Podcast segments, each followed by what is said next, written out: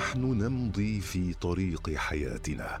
نمر على نقاط مهمة قد نغفل عن أهميتها أو تكون خارج نطاق رؤيتنا. نقط عمياء مع إبراهيم العجمي. أهلا بكم مستمعينا الأعزاء في حلقة جديدة من حلقات برنامج نقط عمياء والذي نتطرق في كل حلقة من حلقاته إلى أمر مهم. قد نغفل عنه في مفاصل حياتنا ويكون خارج نطاق رؤيتنا. فنمضي في ممارسته أو تجاهله فيشق علينا فعله أو يحرمنا الترك فوائده. في هذه الحلقة تتيح وسائل التواصل الاجتماعي لمستخدميها إمكانية التواصل مع بعضهم البعض. التواصل مع أفراد العائلة والأصدقاء أينما كانوا بغض النظر عن الحدود الجغرافية التي تفصل بينهم. ومن بين صور التواصل هو قيام البعض باعاده إرسال الرسائل الواردة إلى المجموعات والقوائم التي لديه بدون التفكير حتى في الأشخاص الذين ستصلهم تلك الرسائل. فأغلبنا يكون قوائم بدون أن يحدثها دائما ويشترك في مجموعات دون أن يعلم من أولئك الذين يشتركون معه في تلك المجموعات. ظنا منه أن الرسالة التي أعجبت وأثارت انتباهه يجب الا تقف معه وأن يشاركها الآخرين سواء بهدف إيصال الرسالة فقط أو طلبا لتعليقاتهم وردود أفعالهم.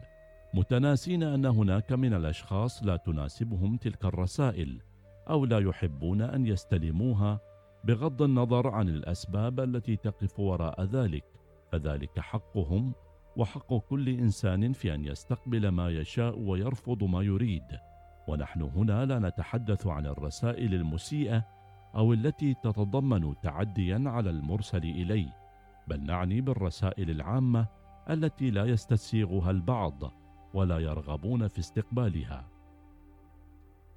إن نظرية أحب للآخرين ما تحبه لنفسك واكره لهم ما تكرهه لنفسك نظرية تكون عادلة في جوانب كثيرة فقبل أن ترسل رسالة لشخص لا بد أن تضع نفسك مكانه.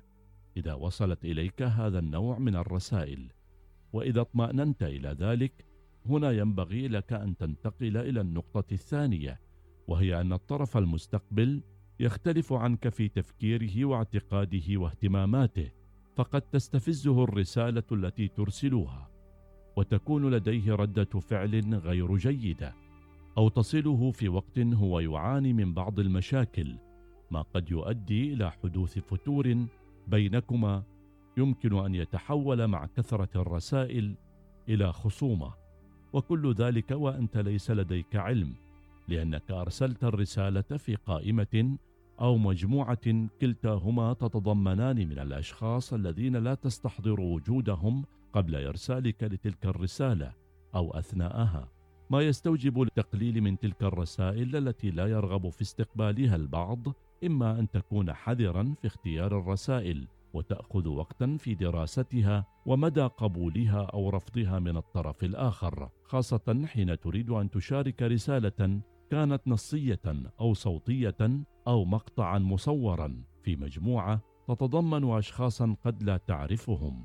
ولا تعرف انتماءاتهم واهتماماتهم أو بأن تقوم دائما بتحديث قوائمك وأن تصنف المستلمين في كل قائمة حسب الاهتمامات. ويمكنك معرفة اهتمام كل شخص بالرسائل التي يقوم هو بإرسالها إليك. كل ذلك كي تحقق هذه الوسائل التواصل وليس التنافر الاجتماعي. في هذه الحلقة مستمعينا الأعزاء وجهنا الضوء على نقطة من النقاط التي يغفل عنها البعض أو لا يديرون بالا تجاهها وتكون خارج مجال رؤيتهم. وهي إعادة إرسال الرسائل دون النظر إلى المستلم لتلك الرسائل وانتمائه واهتمامه على أمل أن نلتقي مع نقطة أخرى من نقط عمياء.